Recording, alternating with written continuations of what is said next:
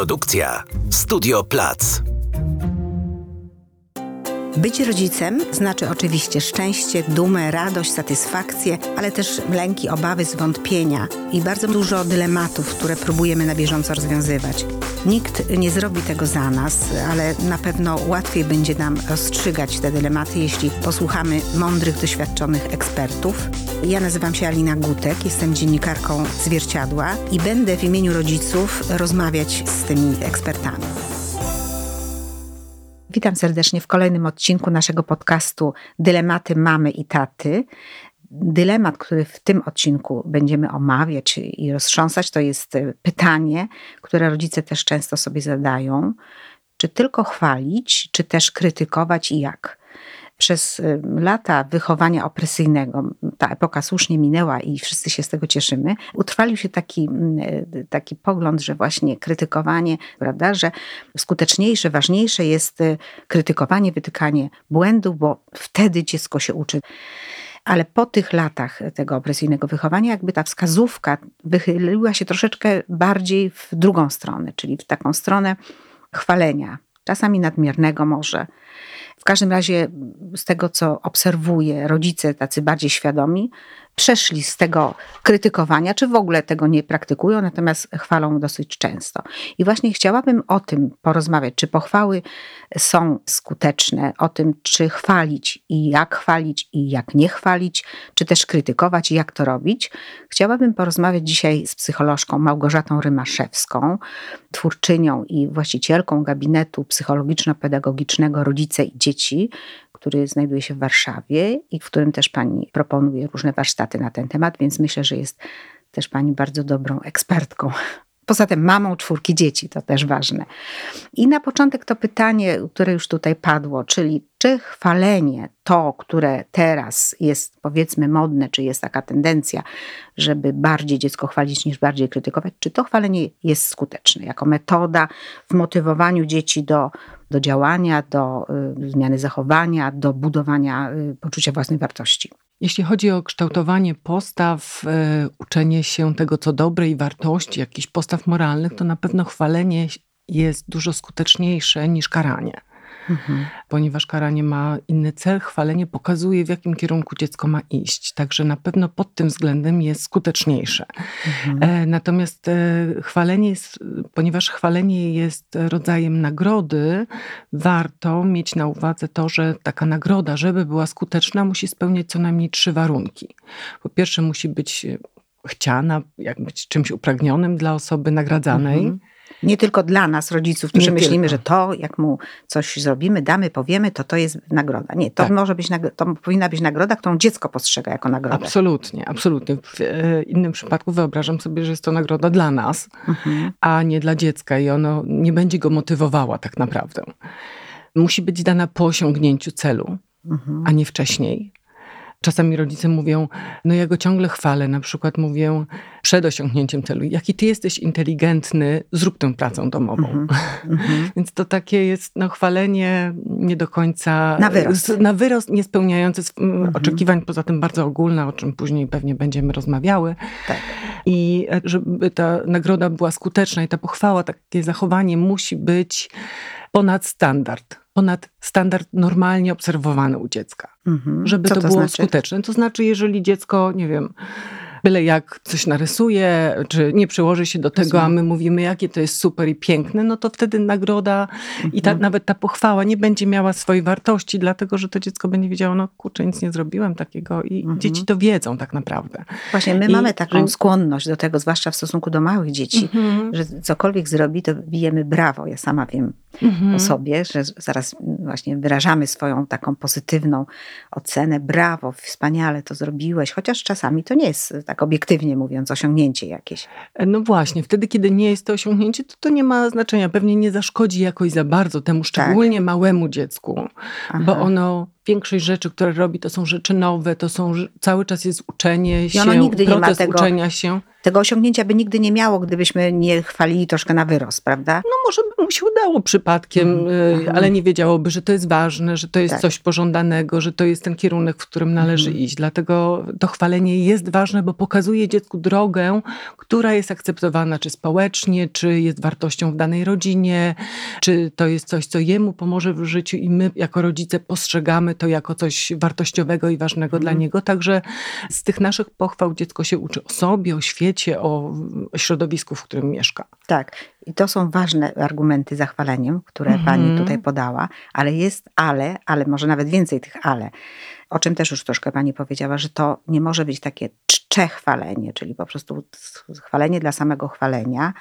I właśnie za co nie chwalić, chciałam zapytać, Mhm. bo pani powiedziała, za jaki jesteś inteligentny. Czy chwalić za Mhm. inteligencję? Bo inteligencja no, jest czymś przyrodzonym, tak jak Mhm. uroda, myślę. Mhm. I no, co z tego, że ktoś będzie mnie chwalił, jak ja nic jakby nie włożyłam żadnego wysiłku, żeby być Mhm. powiedzmy inteligentną czy ładną dziewczynką.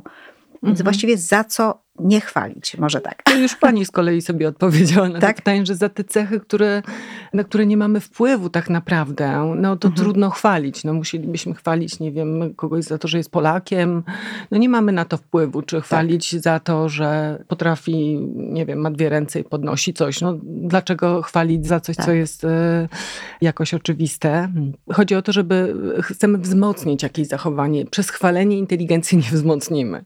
Więc jeżeli przyjmujemy, że nagrody mają mieć jakiś cel czy pochwały, no to Mhm. warto, żeby skupić się na działaniach czy zachowaniach dziecka, które chcemy wzmocnić. Nagroda to jest wzmocnienie. Mhm.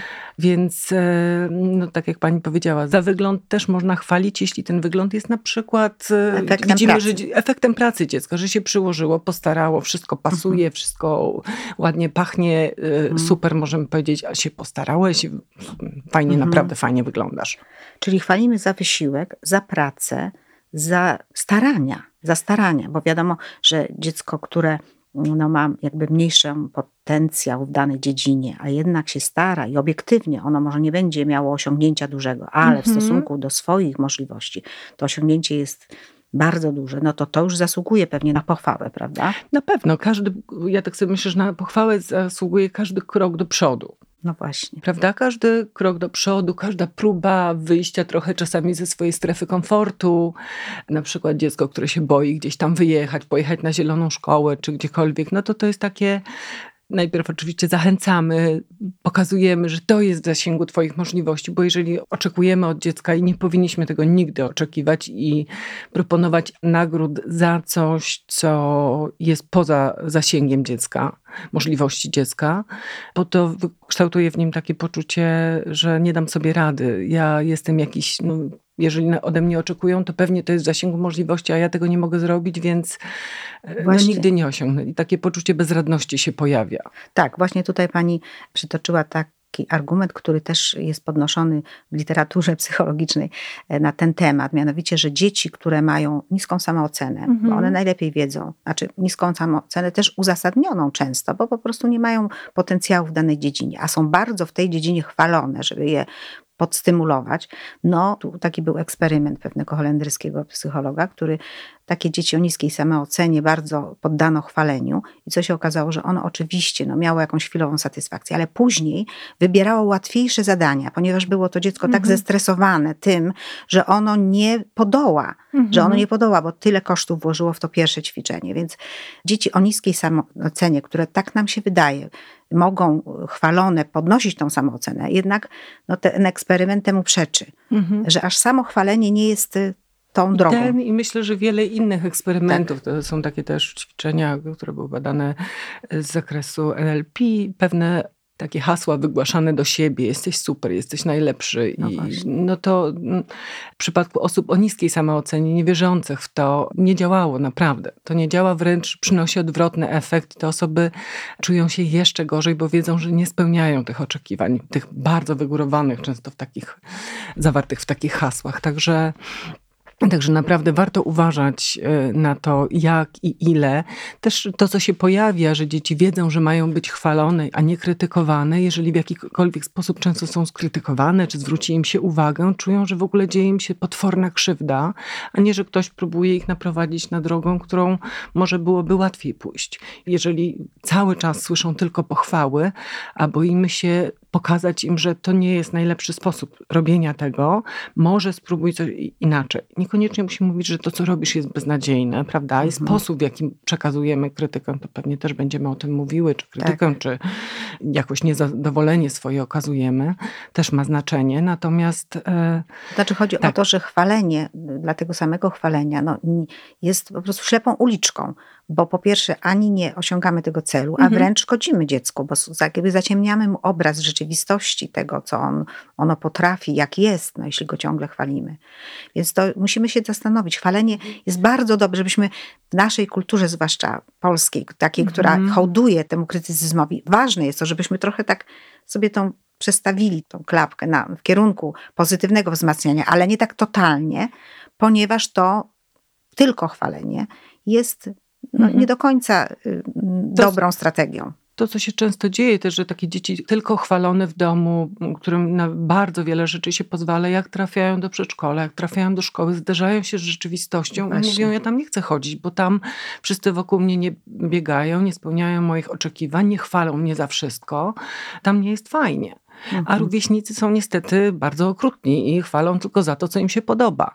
I e, nagradzają w ten czy inny sposób, na przykład przyjmowaniem do zabawy osoby, które współpracują, które są w stanie skłonić się ku propozycjom innych osób. Także no, uważajmy, żeby troszeczkę przekazać temu dziecku świat, który rzeczywiście jest na, e, na zewnątrz. Może nie taki okrutny, e, jaki czasami bywa, ale taki normalny świat, który jest, e, z którym to to dziecko będzie trudności. musiało się y, zetknąć. Tak, w którym są trudności. I tu przyszłyśmy płynnie właśnie do krytykowania, czy do dawania dziecku, bo to nie chodzi o takie krytykowanie też, bo to brzmi groźnie, ale o dawanie dziecku takiej adekwatnej oceny, czy, mhm. która czasami musi być krytyczna. Mhm. Prawda? No bo dziecko nie wszystko robi dobrze, tak jak każdy z nas nie, nie, wszystko robi dobrze. Oczywiście wszyscy chcielibyśmy mieć sukcesy, wszyscy chcielibyśmy być chwaleni, to jest przemiłe, to bardzo motywuje, to poza wątpliwościami. Mhm. Ale krytyka, jak pani powiedziała, no, jest potrzebna. Mhm. Jak krytykować działania dziecka, a nie samo dziecko? Właśnie mhm. może tu jest ten klucz. Czasami odróżniamy to i mówimy dziecku, że nie mówię o tobie, tylko o twoim zachowaniu, natomiast no niestety dziecko i tak to odbiera, jak, mówi, tak. jak mówimy głupio się zachowujesz, to dziecko słyszy jesteś głupi. Tak. Niestety tutaj tego nie zmienimy. I czasami rodzice próbują przekonać dziecko, że jest inaczej, ale w jego mhm. doświadczeniu jest to, że ono jest głupie, jak powiemy, że głupio się zachowujesz. Także na to też warto zwracać uwagę, czy koniecznie trzeba użyć tego słowa głupio, czy może jakoś inaczej, bardziej e, opisowo pokazać zachowanie, które nie jest właściwe. Mhm. E, bo to głupio, no niestety niewiele nam mówi, ani mhm. dziecku. Mhm. Czyli jest raczej wyrazem tak, e, to, frustracji. Co... Na przykład e, dziecko, e, nie wiem, bawi się szklanką i widzimy, że ona się zaraz przewróci, prawda? I gdzieś no, chcemy, żeby zatrzymało to zachowanie i prosimy, żeby przestało w ten sposób się zachowywać, tak. prawda? I ono dalej to robi. Ja tak sobie myślę, że dzieci robią różne rzeczy i nie możemy ustrzec się od tego, żeby w którymś momencie nie pozwolić dziecku na poniesienie swojej e, konsekwencji tego zachowania, to już jest taki temat o karach tak naprawdę. Tak. No ale krytyka też jest rodzajem kary. Tak. Bo dziecko ma wpisane w siebie, że będzie sprawdzało granice, co wolno i co nie wolno. Jak nie stawiamy tych granic, no to robimy dziecku tak naprawdę krzywdę. W którymś momencie ono nie będzie bezpieczne. Także musimy się nastawić na to, że to jest częścią wychowania. Nie tylko te fajne, miłe rzeczy, ale częścią wychowania też jest powiedzenie dziecku stop, tak nie wolno. I e, w przypadku, nie wiem, małego dziecka, możemy na przykład za pierwszym razem pozwolić, niech ta szklanka się przewróci, nawet niech się zbije. Nawet niech się zbije. Się nie stanie. Możemy. Ja nie mówię, jeśli, że jeśli kontrolujemy sytuację. Jeśli kontrolujemy sytuację, wiemy, co się dzieje. Jeżeli możemy też po prostu, e, żeby pokazać dziecku, co się dzieje, możemy też po prostu odebrać tą szklankę, jeśli nie słucha. Jeżeli nie słuchasz, to nie jest bezpieczne, to ja będę musiała ją zabrać. -hmm.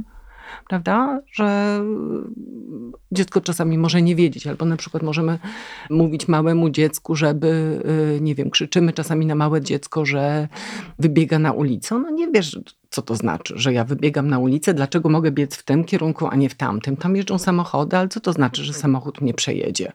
Ja nigdy tego nie doświadczyłem, prawda? Także krzyczymy czasami i krytykujemy dziecko za coś, co ono nie jest w stanie zrozumieć. Mhm. Więc, Więc w tym momencie trzeba tłumaczyć, tak? Wszystko, co w tym momencie dziecko robi, a co nam się nie podoba. Zgubi się, zgubi się. Wziąć za rękę po prostu.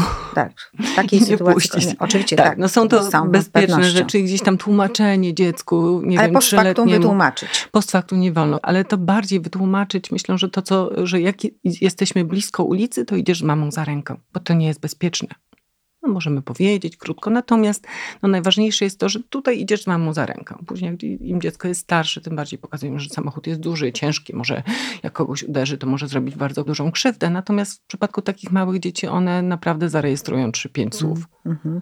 Czyli ta krytyka wobec małych dzieci powinna być bardzo, bardzo dawkowana, że tak powiem, z aptekarską taką y, tak. dawką, dlatego że dzieci małe jednak w dużej mierze nie rozumieją tej krytyki, tak? Rozumiem pani słowa. Tak, rozumieją to, że rodzic jest niezadowolony, że coś im się nie podoba, że coś z nim jest nie tak że są niedobre. A to jest taki czas, kiedy dziecko bardzo chce eksplorować. Jeżeli będziemy krzyczeć na nie, będziemy, y, nie wiem, karać je fizycznie, to, ale krzyk to jest tak. no, no też bardzo traumatyczny dla Rozmawiałyśmy w ostatnim podcaście o krzyku, więc tu już może zostawmy krzyk, tak, ale właśnie... nie będziemy, natomiast... tak. Natomiast to dziecko się uczy, że ja nie jestem w porządku i się boi. Jak się boi, to, to nie chce eksplorować. Mhm. Bo jak człowiek się boi, no to nie jest gotowy na eksplorowanie. W związku z tym właśnie nawet bardziej zatrzymanie, wzięcie dziecka na ręce daje poczucie bezpieczeństwa, że ja nie muszę o wszystkim decydować sam, szczególnie jak jestem bardzo mały, bo jest ktoś, kto ma na mnie oko, kto mnie widzi, kto mnie ochroni w razie czego. Mhm. Oczywiście coraz więcej pozwalamy dzieciom. E, tak. Właśnie to jest ważne to, że dziecko małe czuje się bezpiecznie. To jest taki może nawet paradoks, albo i nie. Czuje się bezpiecznie, kiedy widzi tę pewność rodzica, nawet w bardzo hmm. trudnych jego zachowaniach, takich, że czegoś zabrania. Ale jeśli to jest bardzo mocno takie prawdziwe, mm-hmm. bo mi się wydaje, że bardzo takie dla dziecka jest trudne, jeśli sam rodzic się waha i jakby przekazuje mową ciała, że on sam nie wie, co zrobić, i dziecko to bardzo często widzi i w jakimś sensie wykorzystuje w cudzysłowie, bo oczywiście on nie robi tego jakoś tak świadomie manipulując. Więc mm-hmm. chodzi mi o to, że mówiąc coś do dziecka, robiąc coś, powinniśmy mieć pewność, że to robimy i być mhm. przekonanym. A rodzice właśnie myślą sobie, że cokolwiek powiem, to będzie krytyka dla tego dziecka, co wyrządzi mu traumę na całe życie, w związku z tym lepiej nic nie mówić. A no są takie zachowania dzieci, które gdzieś przychodzą, siedzi sobie taki maluszek, nie wiem, roczny u nas na rękach i wali nas po głowie. Właśnie. E, prawda? I co można zrobić? Powiedzieć po prostu nie wolno, odsunąć się od tego dziecka. Taka jest konsekwencja naturalna jego zachowania. Tak. Jak będziesz bił inne osoby, one się będą od siebie od odsuwały. To nie jest tak, że odrzucam cię, nie odzywam się do ciebie, obrażam się, mhm. tylko chronię siebie, jak tak się zachowujesz. Nie będę mogła się z tobą bawić. Mhm.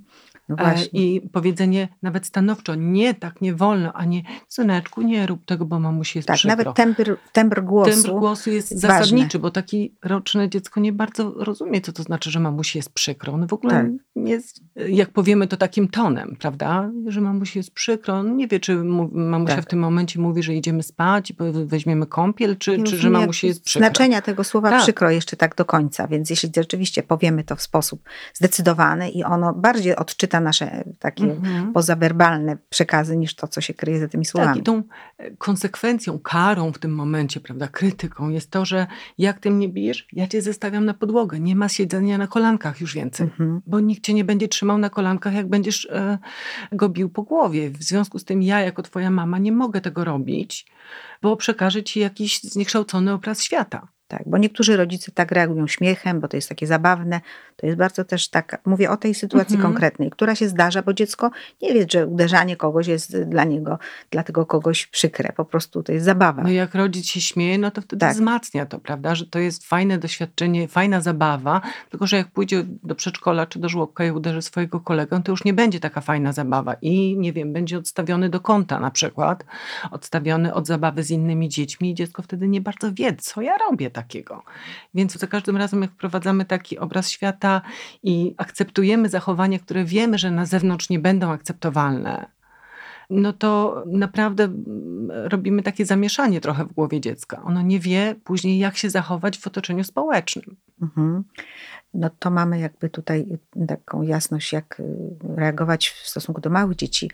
Ale teraz co robić wobec starszych nieco dzieci, które no, muszą też wiedzieć, że świat wygląda jak wygląda, że się Mhm. spotkają z, z różnymi ocenami siebie, ale my jakoś je długo chronimy. My rodzice, też mówię o sobie, Mhm.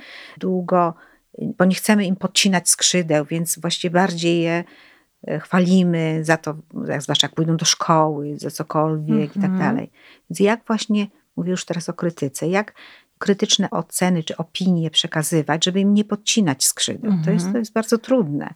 Ale jednak, żeby dawać pra- Jedna z prawdziwą takich ocenę. za, zasad też, którą chciałabym przekazać tutaj, to jest e, ta ilość krytyki i e, Proporcje, e, tak? te proporcje Tak? e, krytyki i chwalenia.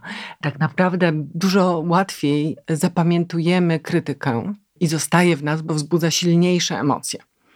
Więc żeby to zrównoważyć, to nie wystarczy 50 na 50 chwalić dziecko czy nagradzać, tylko niestety były obliczone różne proporcje też i w relacji z, w parach małżeńskich, że to musi Mhm. być niestety 5 do 1, żeby równoważyło. Tu jest To równowaga. ciekawe. Czyli na każde pięć pochwał jedna, jedna nagana, prawda? I naprawdę można się tego nauczyć i od początku, już mówię o tych malutkich dzieciach, ale też tych starszych, warto na pewno, żeby wzmocnić ich samoocenę, ale też pokazać im, w jakim kierunku chcemy, żeby się zachowywały, wybierać te zachowania, które nam się podobają albo są neutralne nawet. Mhm. Ale i e, w przypadku też starszych dzieci, powiedzenie, nie wiem, jak sobie siedzi i coś fajnego robi, czy e, uśmiechnie się do kogoś, to warto na to zwrócić uwagę, niekoniecznie mówiąc, o super, się zachowałeś i Tak. krzyczeć, nie, jakby nie wiadomo, ale ja cię wtedy widzę. Podejść, przytulić, e, dotknąć, uśmiechnąć się, to są też nagrody. To No jest też właśnie. wzmocnienie. To jest też pochwała. ja cię wtedy widzę, kiedy ty tak się zachowujesz Mhm. i pokazuję ci, że to sprawia mi przyjemność. To też są nagrody. Mhm. Jeżeli widzimy dziecko tylko wtedy, kiedy ono się źle zachowuje, no to i zwracamy na nie uwagę, to niestety wzmacniamy to zachowanie.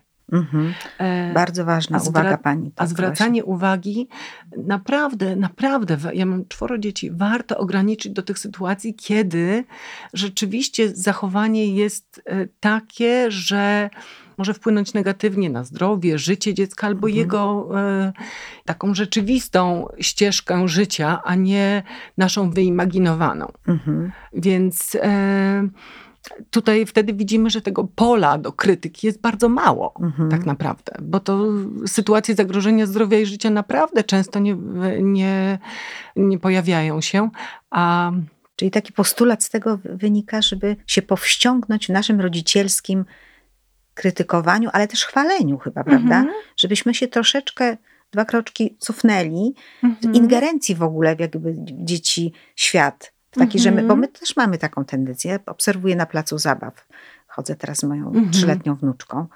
I sama też z tym walczę, żeby nie reagować w każdej chwili, kiedy dziecko Mhm. ma jakiś problem, czy to z, z rówieśnikami, czy sam ze sobą, prawda? Żeby, żeby siebie troszeczkę hmm, powściągnąć. Tak, no cały czas się, bo gdzieś jest ten lęk, Żeby- bo my reagujemy tak. często i mówimy tym rodzicom, jak to tym dzieciom, jak to w tym życiu będzie ciężko. Zawsze ktoś musi w tej Biedronce Mhm. wystawiać te rzeczy na półkę, więc to jest e, koronny argument, że jak dziecko się nie uczy, że tak skończysz i dzieci to bardzo źle przyjmują generalnie, bo odbierają to, nie wierzysz we mnie, Nie widzisz, co ja robię, nie widzisz mnie. Tak. Albo poza tym, jeśli mi nie wychodzi, no to, to ja już i tak nie mam, to już Tak. w ogóle nie mam co robić, bo Nie to mam, nie mam co się już mi No, jest zawsze mam jakąś szacunkiem dla. Biedronki, dla ludzi tam Tak. pracujących, bo to jest ciężka praca i, i, i tu nie będziemy dezawuować jej. Niemniej jednak no, rodzice używają takich argumentów i to nie są skuteczne argumenty. Ale podoba mi się to, że dzieci czasami mówią, nie, będę youtuberem. No właśnie, to jest to, to jest ta współczesna rzeczywistość. Właśnie to myślę, że tu bardzo dużo Pani powiedziała cennych uwag, ale tak chciałabym jeszcze na koniec poprosić Panią o to, jak Pani jako mama, mając też tą wiedzę swoją psychologiczną, sobie radzi z czwórką dzieci, właśnie w tym aspekcie chwalenia, krytykowania. Czy Pani tutaj jest bardziej taką mamą Mhm. Chwalącą, bardziej krytykującą? Wie pani Jak co, to no, jest? Już Pani, już tak może naprawdę musiała pani się Mhm. spytać moich dzieci. Mi się wydaje, że właśnie staram się, żeby tych pochwał było rzeczywiście dużo więcej. I też widzę po nich, widzimy to po tym, w jaki sposób nasze dzieci funkcjonują, czy są zadowolone, czy są szczęśliwe, czy jest im dobrze na świecie. Jeżeli tak jest, no to pewnie coś dobrze robimy. Mhm. Jeżeli widzimy, że dziecko jest w jakiś sposób nieszczęśliwe, warto się tym zająć, warto się sobie przyjrzeć, czy jest coś. Myślę, że teraz oczywiście przy czwartym dziecku, jak zwykle, jest dużo w łatwiej. jakim Nie- wieku są dzieci jeszcze, proszę Moje powiedzieć? dzieci są od 25 do 12 lat. Mhm. To już Pani widzi efekty. Różne. To, co tak. pani włożyła, te walizeczki już pani wyjmuje. Już gdzieś wyjmują i się podoba mi się No to super. to, co wyjmują, ale cieszę się, że gdzieś no, no, mam z nimi dobrą relację też Mhm, e, i, e, e, i cały czas się e, spotykamy, mimo że już nie mieszkają te starsze dziewczynki w domu, ale też często się ich widuję, je widuję. Ale myślę, że też jest tak, że czasami popełniamy błędy i powinniśmy sobie też pozwolić na to, natomiast no, też warto e, umieć się przyznać do tych błędów, powiedzieć, zastanowić. Czasami ich nie widzimy, czasami ich nie widzimy od razu, ale widzimy na przykład po latach, że to nie było najlepsze, to nie działało. Mhm. To, czego ja się nauczyłam też, to jest to, jak wielka jest moja odpowiedzialność za moje zachowanie. To nie, nie jest tak, że ktoś mnie zdenerwował, że moje dziecko mnie denerwuje. Że to ja się denerwuję, to było dla mnie bardzo ważne. Że ja się denerwuję, ja w tym momencie Jestem odpowiedzialna, Zacho- odpowiedzialna za swoje, za to, że jak się zachowuje, nawet jak to dziecko postępuje tak czy inaczej. Jak ja się do niego odezwę, jak mu zwrócę uwagę, to wszystko jest w mojej gestii. To Mhm. nie jest tak, że ono jest y, jakimś y, beznadziejnym dzieckiem. Mhm. Jak wstałam za późno i się spieszymy i je popędzam i jestem poddenerwowana, jak wchodzimy do samochodu rano, to nie dlatego, że one są jakieś dziwne, lewe, y, wyjątkowo wredne, tylko dlatego, że ja za późno wstałam i że to ode mnie zależy. Ja mam teraz tę atmosferę wyciszyć, żebyśmy jednak mogli wyjść z tego domu, bo to nikomu nie pomaga. Albo nawet jeśli to dziecko nie dało się Mhm. obudzić, po jego stronie było to opóźnienie, to też można się zastanowić, co da krytykowanie w tym momencie. Czy ono będzie miało jakiś wpływ na to, co się wydarzy za chwilę, czy tylko pogorszy sytuację. To jest, Mhm. to jest też takie może taka wskazówka, żeby no, już nie eskalować wtedy tego, Mhm. tego W krytykowania. przypadku młodszego dziecka na przykład możemy w tej sytuacji gdzieś zobaczyć, na ile my mamy wpływ na to, czyli no jak dziecko budzimy za późno i ono wiemy, że budzi się przez 15 minut, no to nie możemy go budzić tak, żeby wyszło w 15 minut, tylko musimy go obudzić 15 minut wcześniej. Mhm. Więc to od nas zależy. W przypadku starszego dziecka, które nie wstanie wtedy, kiedy ma wstać, to pewnie warto pozwolić mu się spóźnić do tej szkoły, nie pójść, zawalić coś, bo to jest dużo Poczuć ważniejsze. konsekwencje. Poczuć konsekwencje. My często wymyślamy kary, krzyczymy na dzieci, jesteśmy niezadowoleni. Albo co gorsza, brniemy w jakieś usprawiedliwienia, które są kłamliwe i dziecku podpowiadamy, powiedz Mhm. pani, że coś tam, to już Ale jest też straszne. myślę, że właśnie tutaj karzemy je w bardzo niefajny sposób, a nie pozwolimy mu ponieść naturalnej kary, czyli konsekwencji Tak. swojego zachowania. Przed tym go chronimy, jak nie wiem co. Wychodzimy z siebie, żeby go ochronić, a z drugiej strony krzyczymy na nie, mówimy, Tak. jak jest beznadziejny, jak nie można na niego liczyć. No, Mhm. myślę, że tutaj te proporcje są często zachwiane. Wydaje nam się, że ta k- kara naturalna będzie dużo gorsza, a wcale Mhm. tak nie jest. Najczęściej to, Kara, co czyli konsekwencja. tak. To, co mówimy i to, co robimy, jest dużo gorsze dla tego dziecka niż to, co by się stało, gdyby dostał jedynkę nawet, bo nie przyniósł, bo Mhm. się nie przygotował. Mhm. Więc y, to już jest karą samą Mhm. sobie. Jeżeli pozwolimy dziecku tego doświadczyć jako kary, to odbierze to jako karę. Jak Mhm. większą karą będzie to, że na nie krzyczymy, no to to będzie wtedy większą karą. Wtedy nie będzie się przejmował jedynką, tylko Mhm. tym, że my na nie nakrzyczymy. Pani Małgorzato, czyli reasumując, jak myśmy mogły odpowiedzieć na to pytanie, czy mm, tylko chwalić, czy też krytykować, to tutaj odpowiedzi nie będzie jednoznacznej, tak lub nie? Mm, no na pewno nie w te, ujęte w takiej formie, tak. czy tylko chwalić, czy również krytykować. Na pewno nie tylko chwalić, pokazywać drogę, którą ma iść dziecko przez y, właśnie nagrody, przez chwalenie. To jest ta droga, którą wytyczamy. Dlatego też musimy uważać na to, co chwalimy, dlatego że pokazujemy dziecku drogowskaz. Jeżeli y, pokazujemy, że jesteś lepszy od wszystkich innych i to mi się bardzo podoba, no to taką drogę pokazujemy dziecku. Wtedy cię pochwalimy, jak będziesz lepszy od wszystkich innych. Więc no, taką wartość przekazujemy. Także musimy mieć na uwadze to, co chwalimy, sposób, w jaki mhm. chwalimy, a kary, krytykę, nagrody stosujemy wtedy, kiedy chcemy dziecku pokazać, to nie jest dobra droga. Czasami mhm. jest tak, że dziecko i tak pójdzie tą drogą. Natomiast ważne, żeby od nas usłyszało, nam się to nie podoba. Mhm, mhm. To nie jest dobre dla ciebie, to nie jest bezpieczne. Mhm. Czyli znów dużo tutaj mamy do zrobienia my rodzice, chociaż też bym chciała, żeby z tego nie wybrnął taki wniosek, że tak naprawdę to jest, to jest takie strasznie wszystko ciężkie i że musimy to po prostu rozbierać na czynniki pierwsze. Nie, mhm. po prostu ja myślę, że trzeba żyć w jakiejś zgodzie ze sobą, pracować nad sobą, my, my mhm. rodzice i po prostu dbać o tę relację i też to nie biczować się, jeśli nam się zdarza jakiś błąd. I to chyba jest taka droga najlepsza. Mhm. Także Mm. Także rzeczywiście też siebie słuchać, bo my wiemy, co jest często dobre, co niedobre i gdzieś w natłoku tych poradników, rad, gdzieś czasami nie słuchamy, jak chcemy powiedzieć dziecku nie, nie wolno, no to się boimy, ojej, tak. nie wiem, jak mu przecież, zabronię, tak. przecież nie wolno dziecku nie zwracać tak uwagi, nie wolno nawet podnieść głosu. Czasami trzeba. Mhm. Prawda? Nie można, na pewno nie wolno nigdy wyzywać, obrażać, tak. prawda? Bo to nie służy. Natomiast postawić granice, tak nie tak. wolno, na to nie pozwalam. Stworzyć obszar, gdzie dziecko czuje się bezpiecznie i tam może robić wszystko. Mhm. Tak, no właśnie. Więc to są bardzo cenne uwagi. Myślę, że tu zainspirowałyśmy rodziców do przemyślenia swojego zachowania albo do wzmocnienia takich czy innych swoich praktyk. Więc bardzo Pani dziękuję za dzisiejszą rozmowę. Ja również dziękuję. Do widzenia. Do widzenia. Dziękujemy bardzo Państwu za uwagę. Zapraszamy serdecznie do słuchania naszych podcastów, do lektury miesięcznika Zwierciadło oraz do odwiedzania naszego portalu www.zwierciadlo.pl.